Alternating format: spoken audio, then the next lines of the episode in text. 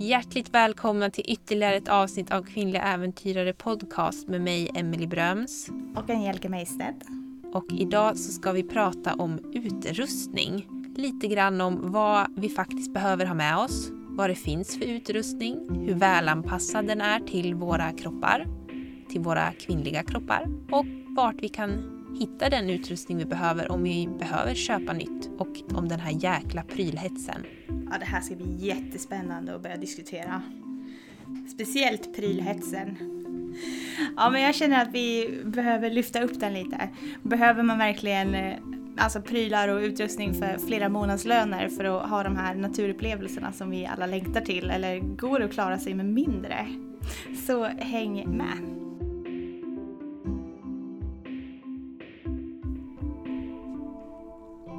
Morakniv vill att fler ska upptäcka naturen och allt härligt som finns där ute. Kvinnliga äventyrare jobbar för att inspirera tjejer och kvinnor att upptäcka sina alldeles egna äventyr. Här pratar friluftsentusiasten Emily Bröms och vandringsbloggaren Angelica Mejstedt om just äventyr. Om vad äventyr egentligen är, hur friluftsliv fungerar jämställdhet i naturen och helt enkelt vad som händer när vi kliver utanför dörren. Välkommen! Okej, om vi dyker direkt in i prylhetsen då, om du var så sugen på den. Ja, men jag var ju lite sugen på att diskutera mer kring det här. För jag märker att just när det kommer till vilka kläder man ska ha när man är ute och friluftsar och vilken utrustning man behöver. Och det kan gälla allt från kängor och ryggsäckar till skalkläder. Eh, så är det många som ser det som ett konkret hinder för att faktiskt ta sig ut så mycket som man skulle vilja vara ute man vet inte riktigt hur man ska hantera den här djungeln av val som det faktiskt är att gå ut och börja utforska en friluftsbutik nu för tiden. Och speciellt leta på nätet känns kanske extra oöverstigligt för där finns det ingen att fråga om råd på samma sätt. Och därför så tycker jag att det är jätteviktigt att vi diskuterar ja, vad behöver man och vad, vad klarar man sig med. Ja, för jag tänker dels som det här du säger att det är en djungel att hitta rätt. Men också att det kan bli en väldigt hög tröskel om man hela tiden tänker att ja, men jag måste ha det och det och det för att ens ta mig ut i första början. Alltså att det inte bara handlar om vilken av alla jackor som jag väljer utan bara det här att jag måste ha en speciell jacka för att ta mig ut. För det handlar ju inte om det heller. Nej, precis. Och om man ska ut och tälta en vecka om året och köpa utrustning för det kan ju bli otroligt dyrt. Det kan kosta upp till månadslöner om man går och köper allting i ett bräde. Och det är så himla lätt också att dras med. Jag märkte det själv när jag skulle göra min första vandring. Och sen så började jag läsa på olika forum och det pratades om gram hit och dit och det skulle vara lättviktsmaterial och det fick, allting fick lov att vara ull och jag skulle ha de och de kängorna och jag skulle ha ett så lätt tält som möjligt och det och det materialet. Och jag menar, jag blev helt matt. Men sen så märkte jag ju också efter ett tag att jag drogs ju med. Jag började räkna gram och hit och dit och det fick inte väga för mycket. Och jag menar, visst jag förstår att om man räknar ihop allting, många bäckar små liksom. Men egentligen, för att uppleva naturen så behövs det inte. Och det ska ju absolut inte vara ett hinder för att ens ta sig ut överhuvudtaget. Nej, absolut. Och där tycker jag man får göra en avvägning. Vart ska jag egentligen? För pratar vi näräventyr och man ska ut på låglandsleder, då behövs faktiskt inte så jättemycket speciell utrustning. Har man bara rejäla skor och framförallt sköna skor i kombination med en ryggsäck som sitter bra, då har man tagit sig väldigt långt. Och sen behöver man såklart skydda sig mot väder och vind. Att man har med sig en tjock tröja och att man kan skydda sig från regn till exempel. Då eh, kommer man väldigt, väldigt långt på det. Men ska man ut i fjällterräng till exempel, då tar man ju också större risker ju längre från civilisationen man är. Och då behöver man med sig bra saker. Men med det menat så betyder det inte att man måste gå och köpa allting. Och det finns ju flera strategier man kan använda för att komma undan både billigare och enklare. Ja, vad, vad är dina bästa tips? Vad, har, vad skulle du säga att är de bästa strategierna? Hur ska man tänka? Jag har tre stycken tips. Eh, det första är att låna utrustning från bekanta. För ofta så finns det kanske en chef, en eh, partner, en vän, en kollega som kan låna ut någonting som du behöver. Du behöver inte gå och köpa det utan då får du ut och hårdtesta innan du köper det du ska ha. Sen rekommenderar jag nummer två. Eh, titta på vad du kan hitta på loppis second hand, Blocket. Det finns också köp och säljgrupper på Facebook. Och nummer tre. Köp inte saker du inte behöver. Det är mitt allra bästa tips. Så eh, testa dig fram. Man kanske inte behöver ha eh, den allra värsta expeditionsjackan. Det kanske duger jättebra med ett steg under. Så genom att eh, låna utrustning, att köpa begagnat, då kan du sen göra bra beslut när du köper nytt. Ett fjärde bonustips Eh, det är också att lägga upp en strategi. För du är idag ute och vandrar en vecka om året och vill ha in mer friluftsliv i vardagen och i livet i stort. Eh, lägg upp en flerårsplan. I år kanske du köper sovsäck nästa midsommar när du fyller år, då kanske du önskar dig ett par kängor. Så successivt kan man bygga upp en riktigt bra utrustningspark. Men man behöver inte göra hela investeringen på en gång. Men eh, på en eh, tre, fyra eller femårsperiod så kan man ta sig dit man vill och ha, ha riktigt, riktigt bra grejer. För att köpa bra grejer som håller. Det tycker jag är jätte, jätteviktigt och jättebra och då blir det inte dyrt i längden. manligt och kvinnligt? Utrustningsmässigt, vad har du för erfarenheter där? Tycker du att det är lätt att hitta grejer som passar bra och sitter bra och som är anpassade efter din kropp?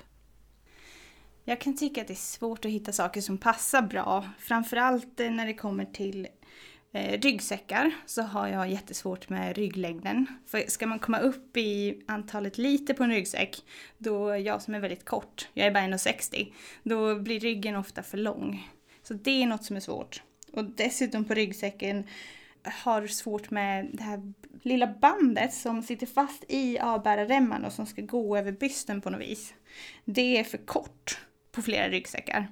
Och det är också så här, ja men det blir inte riktigt en så bra bärupplevelse som det skulle kunna vara ifall eh, det gick att justera så att det sitter som det ska. För det, det kan göra ganska stor skillnad, speciellt om man går långt.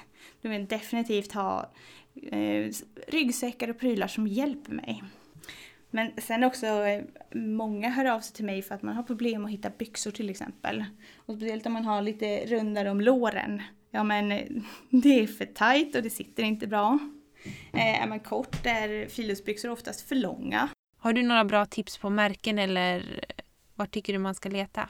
Ja, jag brukar alltid gå dit man får testa byxor, för det tycker jag är allra bäst.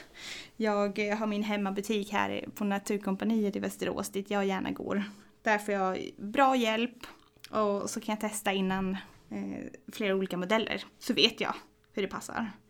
Eller får man försöka prova olika märken för det kan vara så att eh, byxornas fickor sitter olika, de är olika höga i midjan, de har stretchmaneler på insidan av låren eller utsidan av låren. Och det finns ju massa ventilationsmöjligheter både högt och lågt.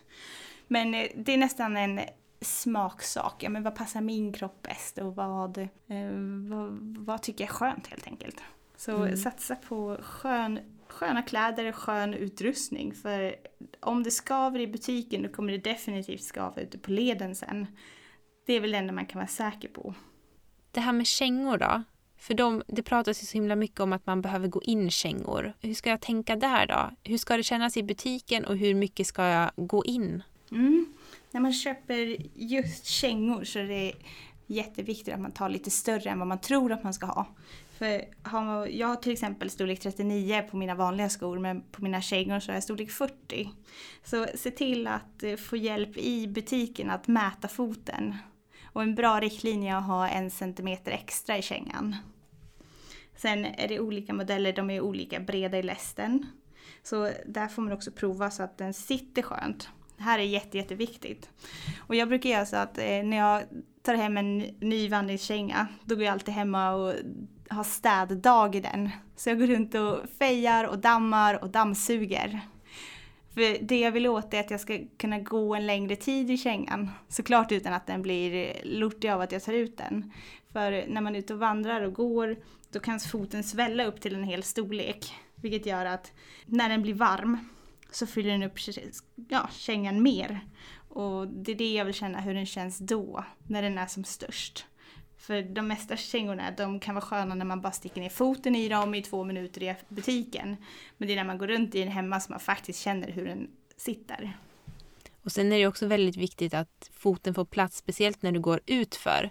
När foten hela tiden trycker framåt i kängan så ska den ju ha utrymme och inte slå i framfoten hela tiden. För då blir det ju blåtår. Ja, det är jätteont. Det vet jag någon gång jag var ute och fjällvandrade i Schweiz. Gud, jag var så trött på nervägen och jag visste inte vart jag skulle ta vägen. Och du vet när man bara skrattar och skrattar och skrattar och det blir bara flams och ingenting och man vrickar fötterna om vartannat. Alltså till slut fick jag gå baklänges. Bara för att inte få det här tårna sköt i fram på. Och där hade jag ju behövt göra min kängläxa om man säger så. Mm. Det är också precis den där stunden när man får sin så här eh, toaklipparläxa. För det gjorde jag någon gång att jag, ja, om man har sparat tånaglarna för långt då är det också ont. Ja, de ska vara välklippta. Ja, och, och, så klipper man rakt av. Man ska inte vara så här snygg så att man ska böja dem lite vid kanterna så att de går inåt för då får man väldigt lätt nageltrång. Utan bara rakt av. Och gärna med en liten nagelsax i, i förpackningen. För att har man missat någon liten kant så kan det skava på rejält. Så det är ett jättebra tips. Ja. Ja, men då har vi pratat om byxor och kängor. Och sen så har vi väl det tredje stora, det är väl tältet. Mm, Hur ska tältet. vi tänka där? När jag köper tält, då brukar jag tänka att jag vill ha, gärna ha med lite mer plats i tältet än vad tälttillverkaren tycker jag ska ha. Så jag har gärna med mig ett tvåmanstält om jag är ute själv. För då kan jag ta in ryggsäcken i tältet och, och göra det mysigt. Eh, jag behöver inte ha den utomhus så att den blir blöt och ledig. Utan jag kan ligga där och eh, ha massa plats. Ja, du, du brukar ju köra fjällspa till och med. Himla lyxlirare. Det är viktigt, det tycker jag alla ska göra. Berätta, vad är det? Vad, vad är fjällspa för dig? Ja, men det här diskuterade vi i avsnittet om utehygien och eh, jag brukar ta med och värma upp vatten i absiden i tältet och sen eh, så har jag rengöringssession. Jag skickar ut alla tältgrannar eller medtältare och sen så ser jag till att jag, jag är helt ren och fräsch. Jag har inte så mycket ansiktsmask och sånt. Det får man göra hemma. Men egentligen, det borde ju gå på något sätt att så framställa någon kanske naturlig ansiktsmask där ute med något salt eller ja men lera finns det ju mm. gott och väl. Lera har vi. Ja. Ler, lerbad. Jag ska prova det här nästa gång jag är ute. Lite peeling. Det får bli min utmaning.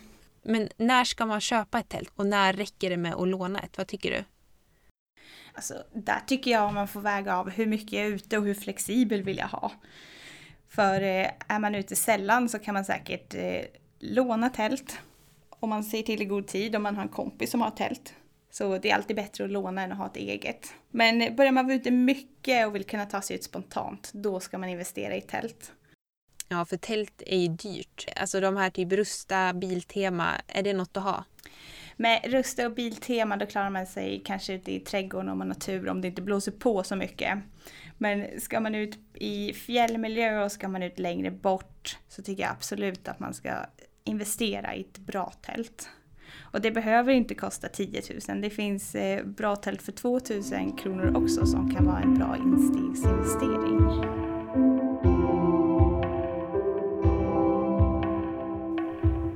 Men second hand då, hur fräscht är det egentligen? Att köpa andras använda vandringsstrumpor och vandringstrosor. Vad tycker du? Um, om jag skulle leta efter någonting på loppis så brukar det inte vara vandringstrosor men däremot så har jag flera gånger fyndat jättefina ylletröjor. Såna här stickade ylletröjor. Och så finns de i mörkgrönt och mörkblått eller såna här härliga islandsmönster. Så det är mitt absolut bästa tips att hålla utkik efter. Sen dyker det med jämna mellanrum upp Rum eh, fynd som eh, spritkök, eh, man kan hitta såna här gamla fotogenlampor från Primus som är jättecharmiga. Men de försvinner ganska fort. Och auktionen till exempel har lärt sig att prissätta dem också, vilket är jättesynd. Men eh, har man tur kan man göra riktiga kap med de där. Sen eh, finns det gamla såna här juteryggsäckar. De tycker jag är jätte, jättecharmiga. Och de finns också såna här som har funnits på överskottsbolagret förut. Sådana kan komma på loppisar ibland. Så vill man ta med sig lite retro outdoor-prylar då är det definitivt lokala Myrorna, eh, Sankt Erikshjälpen, Läkarmissionen, Röda Korset. Ja, ofta finns det massor med, om man börjar titta, loppisar som kan få in grejer som man kan ta med ut och vandra med. För det är ett suveränt sätt att vara miljömedveten också. Ja, för hur miljömedvetet är det egentligen att vandra? Ja, det är inte miljömedvetet att falla för prylhetsen i alla fall. Jag tror det är, det är bland det bästa man kan göra för man förflyttar sig ju till fots eh, över sträckor. Så det är ett väldigt bra sätt att upptäcka natur och kultur och historia. Men eh, det beror ju också på, ja men hur tar man sig dit? Är det med bil eller kollektivtrafik? Hur långt tar man sig för att vandra? Går man hemma eller åker man jättelångt bort? Hur mycket resor blir det? Vad har man för utrustning med sig och hur är den tillverkad? Ja, det där med material är ju också en het fråga. Det ska vara högteknologiskt eller det ska vara hållbarhetscertifierat och allting. Alltså det är en djungel som jag tror inte vi vågar ge oss in i riktigt här. Nej, vi gör inte det, för jag har aldrig haft så mycket marknadschefer i min e-mailbox som när jag tog upp det här på min blogg och skulle tipsa om olika hållbarhetsaspekter.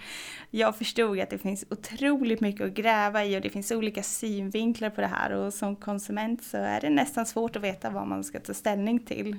Så att konsumera mindre skulle jag säga det är det enklaste sättet att vara miljömedveten. Och köp inte sju par strumpor, köp tre par och gå slut på dem. Men om vi ska koka ner det här utrustningsavsnittet i någon slags sammanfattning, vad skulle du säga är det absolut viktigaste, det som jag faktiskt ska investera i? Om du ska investera i bara tre saker, då tycker jag att det är ryggsäcken du har, kängorna och sen ett bra stabilt tält som tål väderlek. Och sen resten så kan jag försöka, som du sa, då bygga upp över tid och försöka hitta kanske på loppisar och second hand-marknader och andra liknande ställen istället. Mm, mm.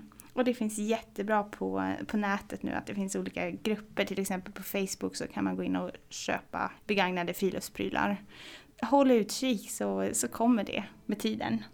Och där sätter vi punkt för idag. Tack så jättemycket för att ni har lyssnat. Jätte, jätte tack. Vi är super, super glada. Puss på er nu så hörs vi snart igen. Kram, kram!